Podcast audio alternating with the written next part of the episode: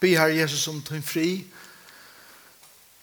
tøyna lasle, tøyn myndeleika, tøyt dirve, at hela tøyt år pura, ærlige og åpen, at det er den bogen som er mest vikommande bogen i ætlen heimen, som talar mitt inn i okkara livsomstøver, og og malar sannleikan fyrir hvordan han velja ser ut samtidig som hon drever okkur til Jesus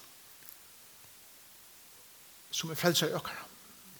Og vi ber her om at du vil djeva okkur et åpe øyra og åpe hjärsta i det og en vilja som vil loja tutt år og gjera som to vast er best for okkur og i Jesus navn. Amen. Løyve er årettvørst. Hatta er årettvørst.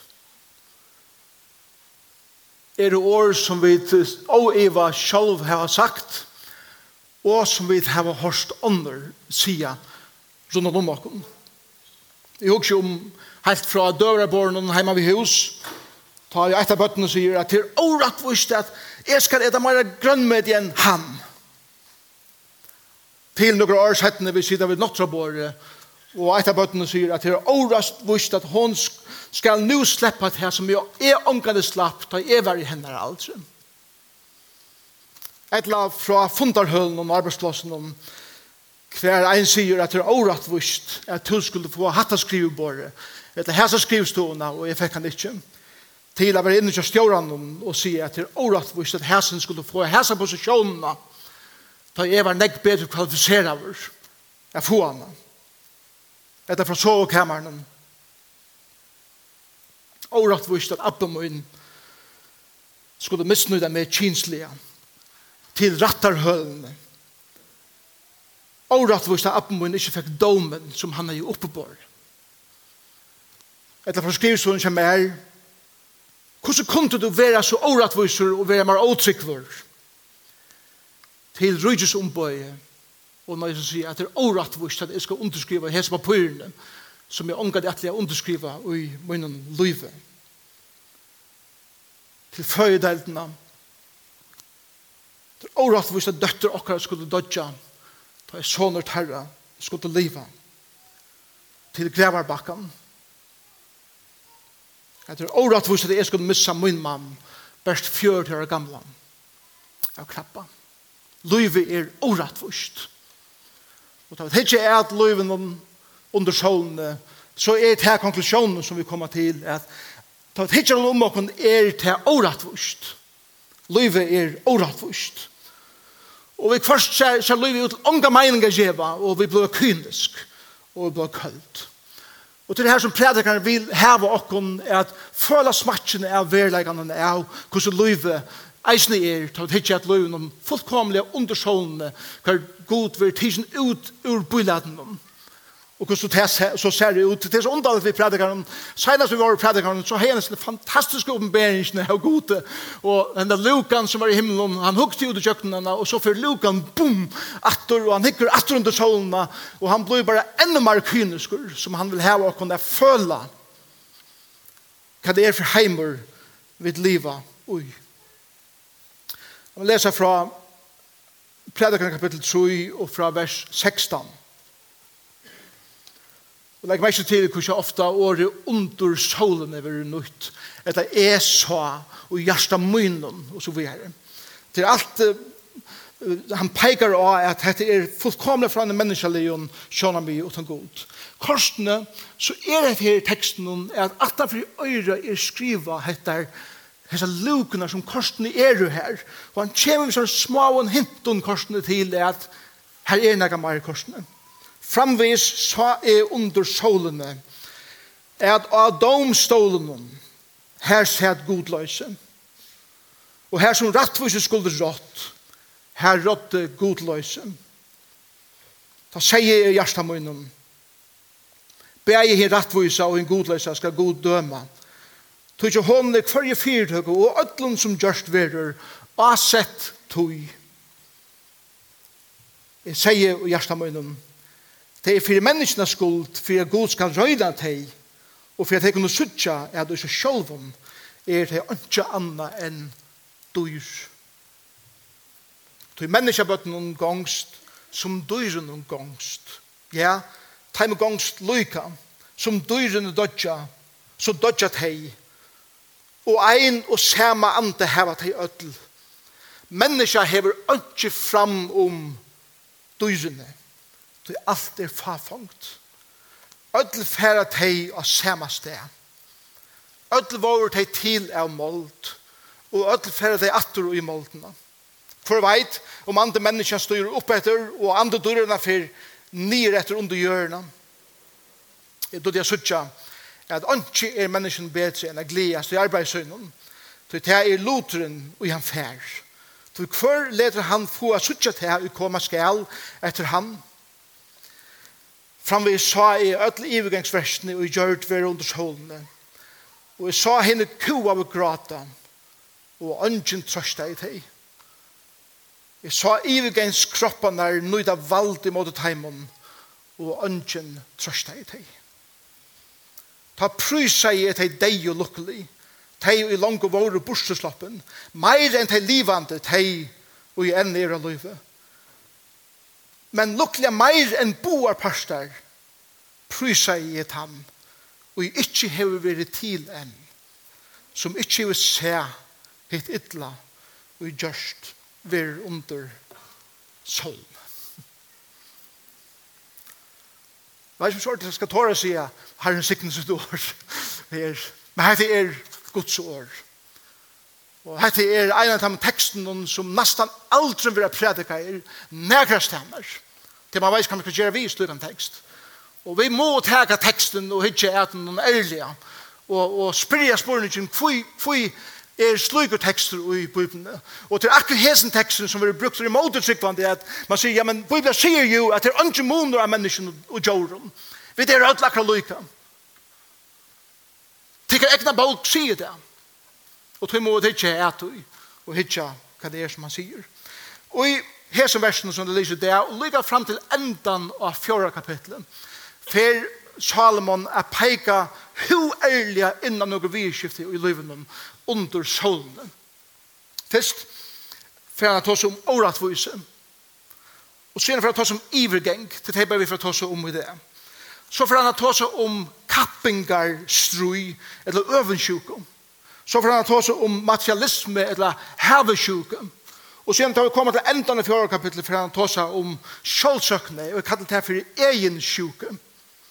Jeg bare heva fokus av seg sjålvan og ongan amman. Og Salomon sier at hvis vi ikke er at liven under sjålene og vi teker god fullkomlig ut ur øtlom så blir vi kallt og kynisk. Men sjølt om vi ikke er at liven under solene, og vi tykker at en god er her, så ser det ut til at han lengst kan pakker sammen, og leder henne bare køyre. Og det er en agnostiker som hukser såleis. At det er sikkert en god, men han er lengst kjent ikke ferie fra okken, og løyve køyrebæra, og alt er fullkomlig vanløst korsene. Og løyve er året vørst.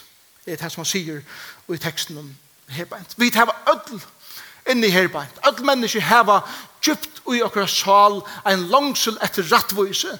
Jeg blei vi over, og det er at vi alle blei vi ta over suttja orattvise i heimen. Ta over suttja bei okkur sjálf og andre om okkur vera behandla i orattvist, så eier ein heile vrei a koma fram i okkur, tog jeg vil heva hessa godgjevne kjensla som er løgt ui okkur ödel. Og det er det som Salomon vil heva okkur føla ui sin teksten her beint. Og han sier, i vers 16, framvis sa i under solene, at av domstolen, er seg godløs. Og her som rattvis er skulderått, her rått er godløs. Det som Salomon sier her på en er, ta jeg hukte at landsens hakstå myndelaikon, Og ta i hukte at heimon som eia er at heva rattvis i sinna i hånd, så sa eia eisne at heva er korrupt. Landsens hagstå myndelagar er og korrupter i det som Salomon sier. Landsens lovarvers, de som eia halda lovene intakt, er og korrupt. Landsens stjødden tar politikere som vi har valgt å styre dere landet, sier Salomon, er å ønske annet enn sjølvsøkjen og søkja sitt egna, utan å huske om hva det er leia. Landsens sosiale strukturer, sier Salomon, er maktstyrter hver de som har maktstyrer hvordan sosiale strukturer i landet verer, og det vil bare teimen til gåa. Og så sier han, og landsens religiøse system vinklar i middelen allar parster. Og det var ikke et samflanen, sier han. Så er det stadig de fatøkker som loja hunker, stadig de ryker som vera rykare, stadig de som har heva og fremja åratvise, snikva seg undan dome, ivergengur ver åstraffavur, til goa fer unga virkjenning. Og hva er det kynisme. At vi blir kynisk. Og vi byrja at bliva lyka som ödrun om okkom til at hatt er eina som mate og i eina samfunnet utan god er at iverliva og pa er det som Salomon sier. Vers 16 er det vers kan man sier Åh, jeg hatt dette, men jeg blir kynisk av å sitte hvordan myndelagene er godløyser eller godleser og oratviser rundt om bakom. Det er det som Salomon sier og at det taler beint inn i akkurat samtøy og i det. Ta et hitjar noe okkom. Så kommer vers 16, som har lydig hint. Ta sier hjertet min, beg hin rattvisa og hin godleisa skal god døma. Ta ikke hånden er kvarje fyrtøkke og ødlen som kjørst verer og asett tøy.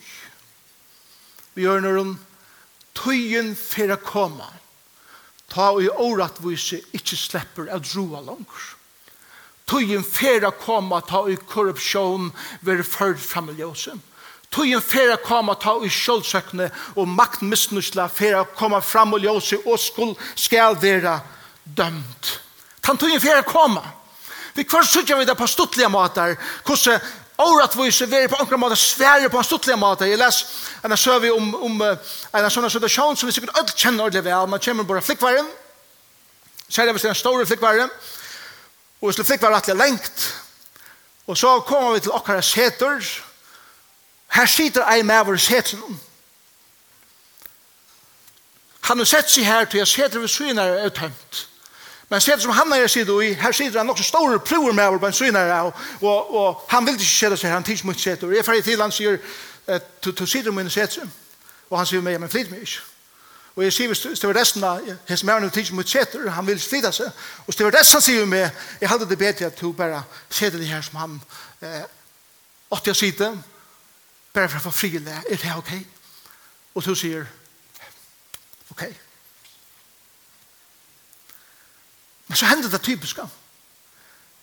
Jeg beint åren de sørste ferieførsene kom ombord, så kommer en mamma ved en 18 måneder gamle døtter. Og hun peker seg, hatt det mot seter. Og hun seter seg her, som hennes mæren helt tåma plosset vær.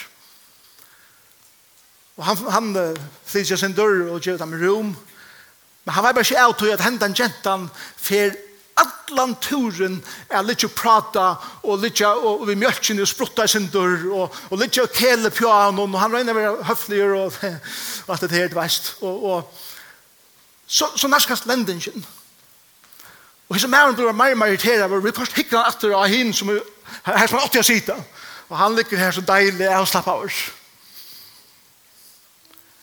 Ta i så vid nærskast lending, så blir jeg flå for jeg beveger seg sindur. Og og alt i einom blir henne gentan pura frialig. Altså fra til jeg snakker og snakker, og råper, og råper, og sinja, sinja, så er fullkomment høkken og at vi det her og skal. Og da man hikker disse lytte gentene, så er hun kritak fyrt. Til hun finner ikke sjåversk. Og knapple Så prester hun. Og hun spyr beint iver av henda mannen. Og alle klattningren, og inn i munnen, og, og nye færteltene, og alle stedene er spudg fra jentene. Og det er en torska, og så var jeg, veist, og så, så lente flikkaren, hos mævren, han drøner sted, og him mævren, han atlas så eisen sted, men hvis det var resten, gjerne lykkes så, vi han, boi jeg tål liksom du. Og alt færre ut, så det var resten han omførs atter i at det er køksomreie, og Og han bojar, han vet ikke hva, hva skjer. Og hun kommer så ut med fem gløsen og en champagneflask. Hon skanker. Kjever hun. Og så sier hun, skal for rattvøys. Hadde det som hendte meg først. At årattvøys blir dømt beina vegen. Og en som helt av henne i alle ratten, fikk eisen dome for å teka ratten fra en nøren. Men verleggen av løyven er øyelig ofte at han er at åretviser reker så øyelig nek krafter i enn en hatter. Og tog er til at Salomon sier tid, vers han, lærer hun at åretvise her i heimen hever en avmarskaja tog. Hette er tog er kapitlen. En tog til, og god sier at åretvise og ødels tingene som er i heimen det hever en avmarska jeg tog tøyen fer er koma. Ta og god sier punktum vi hattar og ta ver ikkje meir. Men til det andre som vi så lærer fra vers 18 og frametter ta han sier vers 18 og jeg sier hjertet munnen det er for menneskes skuld. Og vers 19 etter vers, enden av vers 18 menneskjan er i seg sjølvun ikke anna enn dyr. Lysen her er stått i årene ui ser sjølvun og tan god. Tar vi det ui okken sjølvun og vi tega god ut ur myndene så er ikke moner av tær og mer og dyren. Vi bliva dyrisk som mennesker ta i god verd hisjen ut ur myndene. Mennesker utan god byrje at oppføre seg som dyr er det som Salomon sier. Og, og han, han hikker at menneskene, og han hikker at dyrene, og han hikker at han er menneskelig en lytje, og han hikker at han er hund som er deier, og han sier at her er ikke måler av hessen, at det er en, en, en biologisk masse som nå er givende anta, og det er ikke mer enn det. Fer opp etter, fer ned etter, jeg vet ikke. Men jeg vet bare til at livet endar vi sørste andadrøtt, og til ønske moner av døren og mennesken. Ta god ved tidsen ut ur myndene. Et lyk er et lyk, og de bæger sørste lyk av deg ut, og de sørste bæger lyk av ut, og bæger vår til er målt, og bæger færa bliva til målt atter. Punktum ikke anna er at han har hatt her. Ikke. Hvordan skulle vi så liva? Hvis vi bare er i jord.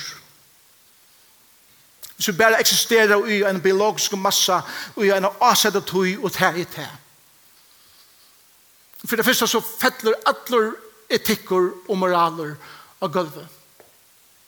Tøy er blod, men det er ikke og grunderleie som vi bygger av byrjar at rebla saman. Og ørslutene være øylig. Et som hender, jeg kan nevne noen døme. Eit det her vi bør fullkomne sjolv opp tidsen. Din sterskaste iveliver. Din sterskaste iveliver. Jeg gjør det som skal til for et iveliver.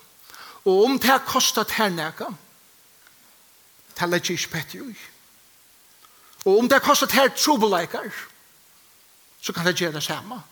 Og om det har vært her til fattel, så bit. Jeg skal iveliva. Og forholdet ni med mennesker være grunnet av elgrona og av øtta. Jeg vet omgå du kvann jeg kan løyte av, jeg vet ångan nær vi stund generation, jeg vet omgå du nær jeg vil fordra av venom, for jeg hinskall iveliva. La meg nevne noen ting som er uh,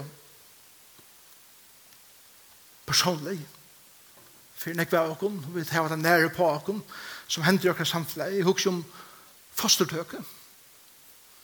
Jeg les 1% av fostertøken er vekk den kisten ivigeng, neitøket eller blåkjent. 6% er vekk den helse- av en breg og anna. 3,5 prosent er det som man kallar for sosialar fossetøkker. baden er overengst. I 2013 var det 23 fossetøkker i fyrjon. Det er batnande i omon til middelholdt trusk og trusk av hemsen. Men om vi sutja bare et et menneskeliv som en biologisk massa som bare lever og så døys så er det etter slutten Hoks det kon miskunnar drap eller aktiva deshjálp. Da man lesa fyrir hva SS segi under krynum Evna veik, sinnesjuk, kriplar og teivi og kruande sjukon skulle vera dripen. Da sist han er kallar hetta fyrir miskunnar drap.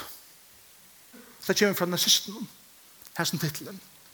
Og det er vi hette skriva inn i nekvar landsens lover i London rundt om bakken.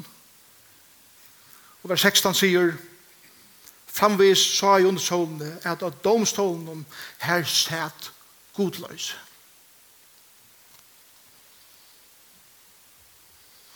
Vi gjør så krekt med godar, for å sige.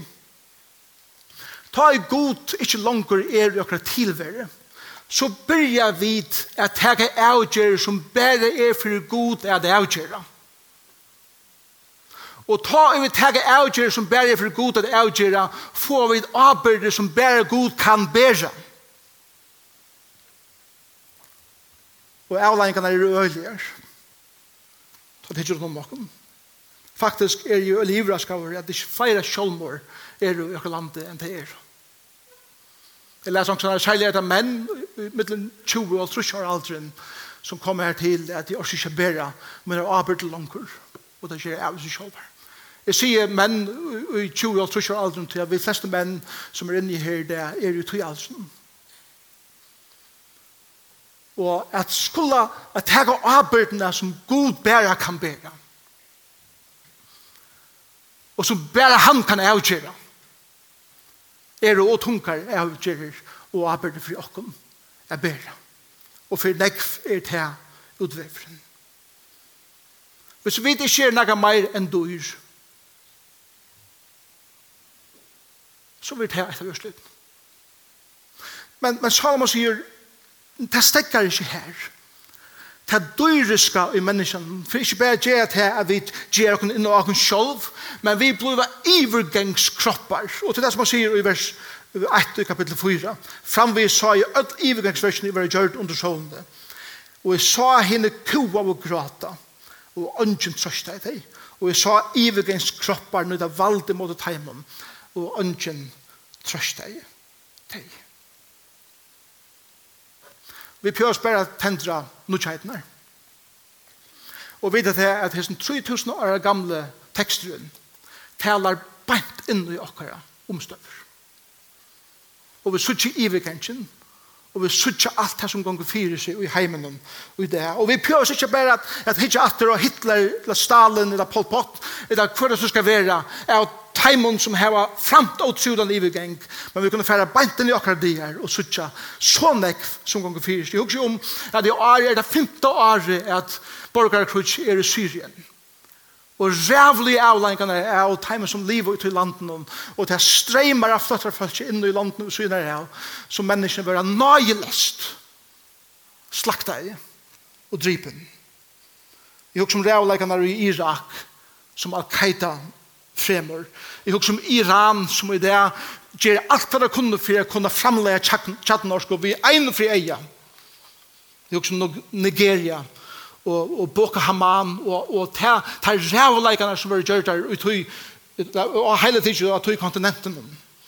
Jeg husker om IS, som vi alle tyverre kunne suttje avretninger for åpne skjermen. Vi ferdig Nigeria, og og vi sutja 22 manns vera skorner hals. Jeg husker om drogsmuglerne i Sur Amerika, Kolumbia og er der som nøyelest smukla drogs og drepa öll tessu sanna fyrir for at vinna seg meira pengar. Jeg husker om destlevenar i Norr-Korea. Jeg husker om tøyningar levenar bæg i. Jeg husker om eh, Guantanamo, og jeg husker om er under Vesterland som eisen fremjar rævleikar i imot menneskene. Det er ikke bare her, det er eisen her. Tjokken. Jeg husker om seks trælamarsene i Vesterheimen, av bøttene og små jenten. Luttlar være selv der, for jeg lyder jo ikke. For jeg gjør ikke en kjønne mann, kan være øst iver, eller luttlar jenten. Og for noen kunne vinne seg penger, for jeg selger saler av trælamarsene. Og jeg husker om det her som man mengan genga fyrir sig innanfor husavetsjene i okra landet i fyrjun. Men ungen trøsta i deg. Og ungen vær her. Det er akkur som prædikaren vil heva og kunna føle etter. Han vil ikke heva og kunna at genga sånn jeg var møte og lese sånn jeg var bøypen, jeg vil bare suttje iver hattar. Vi er en pastor av oss sånn. Vi kunne ikke bare si at Jesus vil komme atre en dag, vi lever bare i okkara lytle luttla samfella og leta som om jeg suttje hinne. Ongen trøsta i deg. Gjera vid. Trakka vid inn. Det er som Salomon vil ha og kunne føla hvordan heimer nere i det. Og ikke bare liv i en boble som om man ikke ganger fyre seg i heimen i det. Og det er som om man råper etter ivegangskroppen du kan gjera dit. Hvor er dette godløse? Og i sånn heimen i det. Og ånden trøster. Trøstar. Og jeg spyrir spurningen, som er må enda. Hva gjør jeg vidt? Så gjør det Salomon vil heve å kunne følge.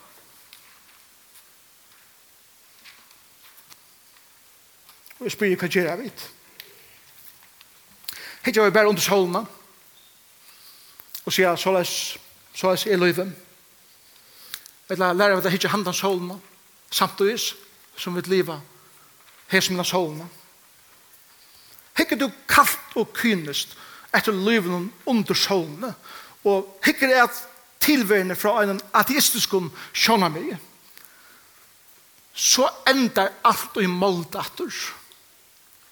Og du lever så vel som du kanst, for du sjølvan her og nu.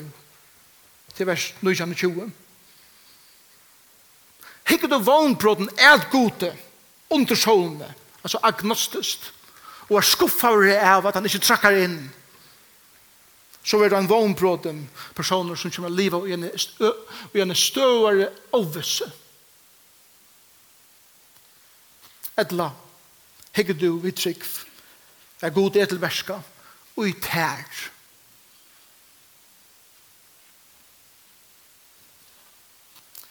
Og det er en fyrir koma, til han sier, nok. Så for å få et perspektiv som gjør vi der vågen, for å få et perspektiv som gjør vi der dirve jeg tåler å trekke inn og gjøre noe vitt hva kan du gjøre vitt hva kan jeg hva kan jeg gjøre vi ønskapen i heimen i det Det første som vi kunne gjøre er at hitje inn i oss selv, hitje etter ønskapen og pynene i oss egna liv. Og jeg kan spørre meg selv om hvordan bruker jeg mine brek? Hvordan bruker jeg mine meinboer? Hvordan bruker jeg det åretvise som er fremtid mot mer? Mer og øren til fremme. Hatt en grunnleggende spørsmål jeg spyrja for dere og en tekst som er til her.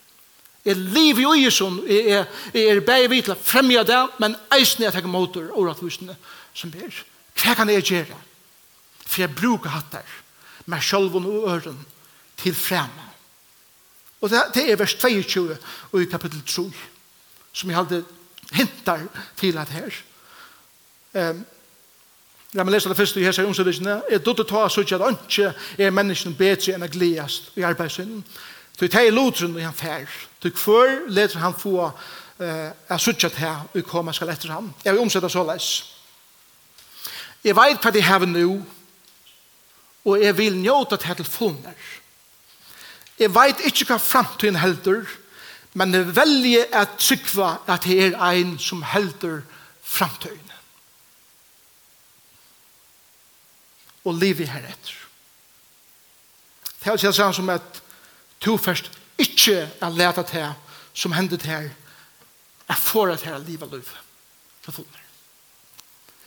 Du får ikke lete til at onker annar fikk tøyn fremmedgjør rett, framom til, selv om du har bedre kvalifiseret, at du er leta tøyt arbeidsliv. Du får ikke lete til et brek og til en avmarsinger løyvet her at vera til sikning korsene for andre mennesker. Tror det ikke lett at hun er troble søvå for at her er gjerne en aktiv pastor i søvende tja omkron øren. Og du får ikke lett at hun er djevelig synd som to mulig høy framt er fora ter at løyva honom fram et at gjerra tutt løyv av nødgjum. Du får det djevast vi at dråbo om at alt er åratvis at alt er åratvis i måte ter.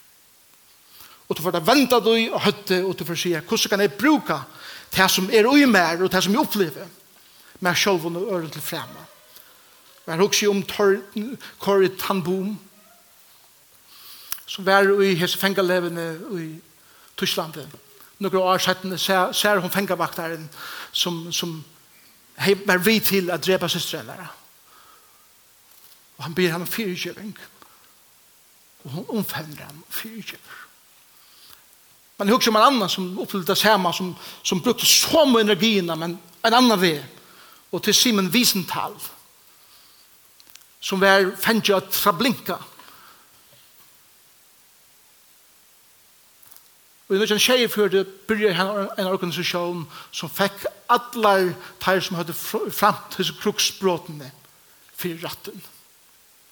Og han fengt i over tusen manns for jeg fører det her til rattvisen, og at du har standet til svarsfyrt her, og tar rævleikar som tar høyde framt. Fritz Stangl var leieren av Trablinka, eh, fengalevene. Han drep mer enn av fems limer i familiene tja Wiesenthal. Og ta i Wiesenthal vil spurt hva var det som motiverer i til å byrja hese organisasjonene. Så sier han at det var ikke til at han drep mine familie, men det var en dag igjen Ta vi arbeidde ute, og han kom, og han røpte av en vakt, at binda tvær jøder sammen. Rikk til rikk. Og han tok revolveren, og han leie av panna seg inn, og skjeit, og kulan for kjøkken høtt til hinn. Og så sier han, det var det som han sier, ta han i røst til. Og han sier, hikk, jeg sier at vi har spilt borster av 30% av kulen på hans dyrene. Ta sett i meg fire, henta åratvisen skal tegas til ratten. Jeg husker om Elizabeth Elliot, kona Jim Elliot, som var driven av Alka, indianeren, og Stephen Saint, som var, som var, som var sonur Nate Saint, som, som får inn i stammena at kun evangeliet har vært drippner. Men det er færre innatter. Og tag evangeliet til hos menneskene som hadde drivet herre, menn og herre papar. Og i dag kan Stiv sent vittne om at en av mannen som drep pappa møn kallar bøttene som er nå Abba.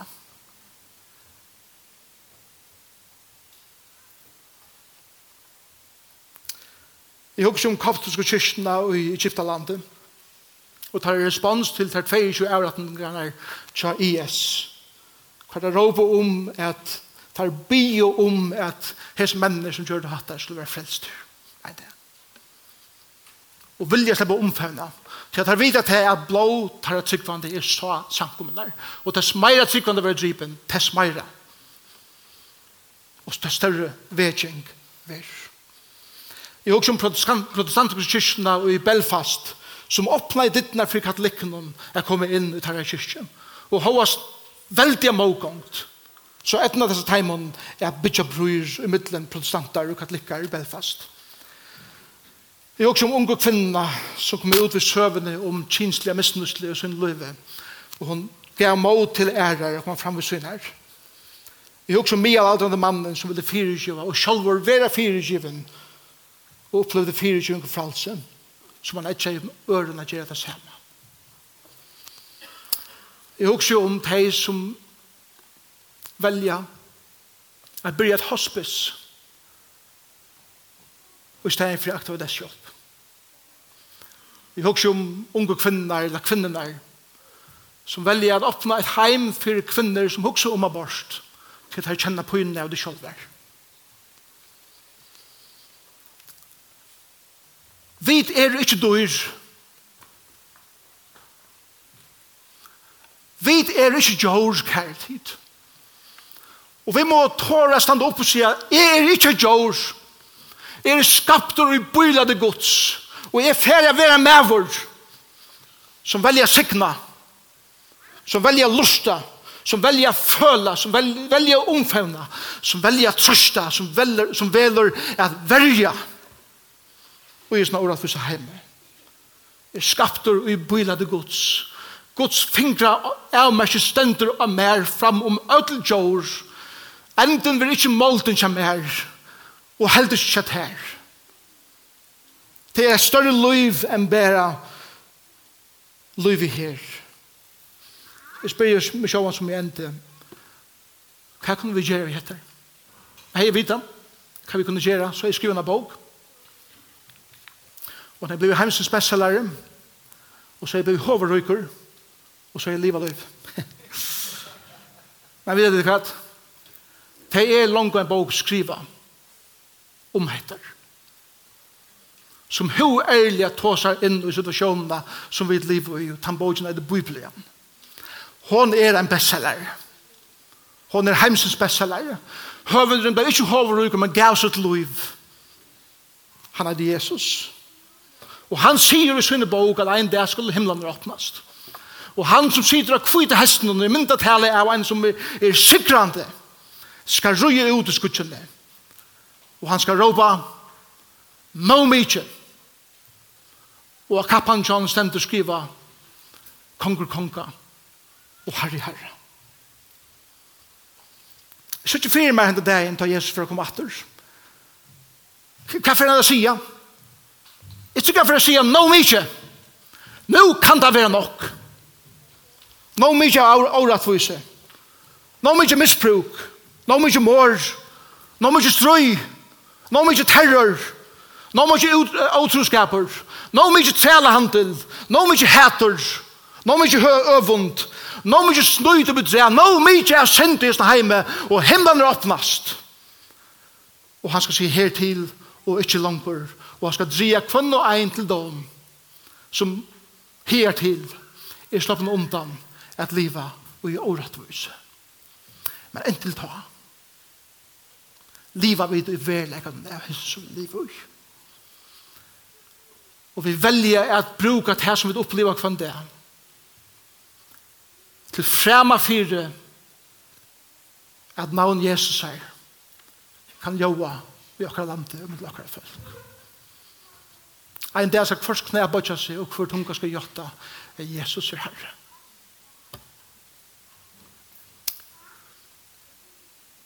Om du er til det at du ikke kjenner han, så er det han som vi tar oss om her. Han er det Jesus. Han gav sitt liv fyrt til. For jeg tror kanskje det her var akkurat halde i underhesten og rettvis og vidskiften som vi lever i sin heim. Og for jeg gjør at her styrkjene og kraftene til at og i det tog til at trøsta deg som var dripen og omfunnet hei som opplever åretvis. Og er glad av et heim som gråta. Og er verja at hei som ikke heva en rødt sjolv. Jeg standa fram. Hatt det som vi kalla et hei som sankum av Jesu navn. Jeg tåra at heva et dyrve i samfunnet som vi lever i. Tåra være annerleis. Tåra stinga på seg ur. Tåra er vera atsøkt. Tåra er vera spotta i. Tåra er vera hilden av. Tåra Tår det vera vel ta seg om. Tåla mågångt og vikångt, Men grunnleie som vi bytja er Jesus Kristus. Og han kjall. Og her er det løyve, og her er det dyrve kjemur. Jeg livet akkurat løyv vel. Så blir jeg sammen. Jesus, takk for prædikaren. Takk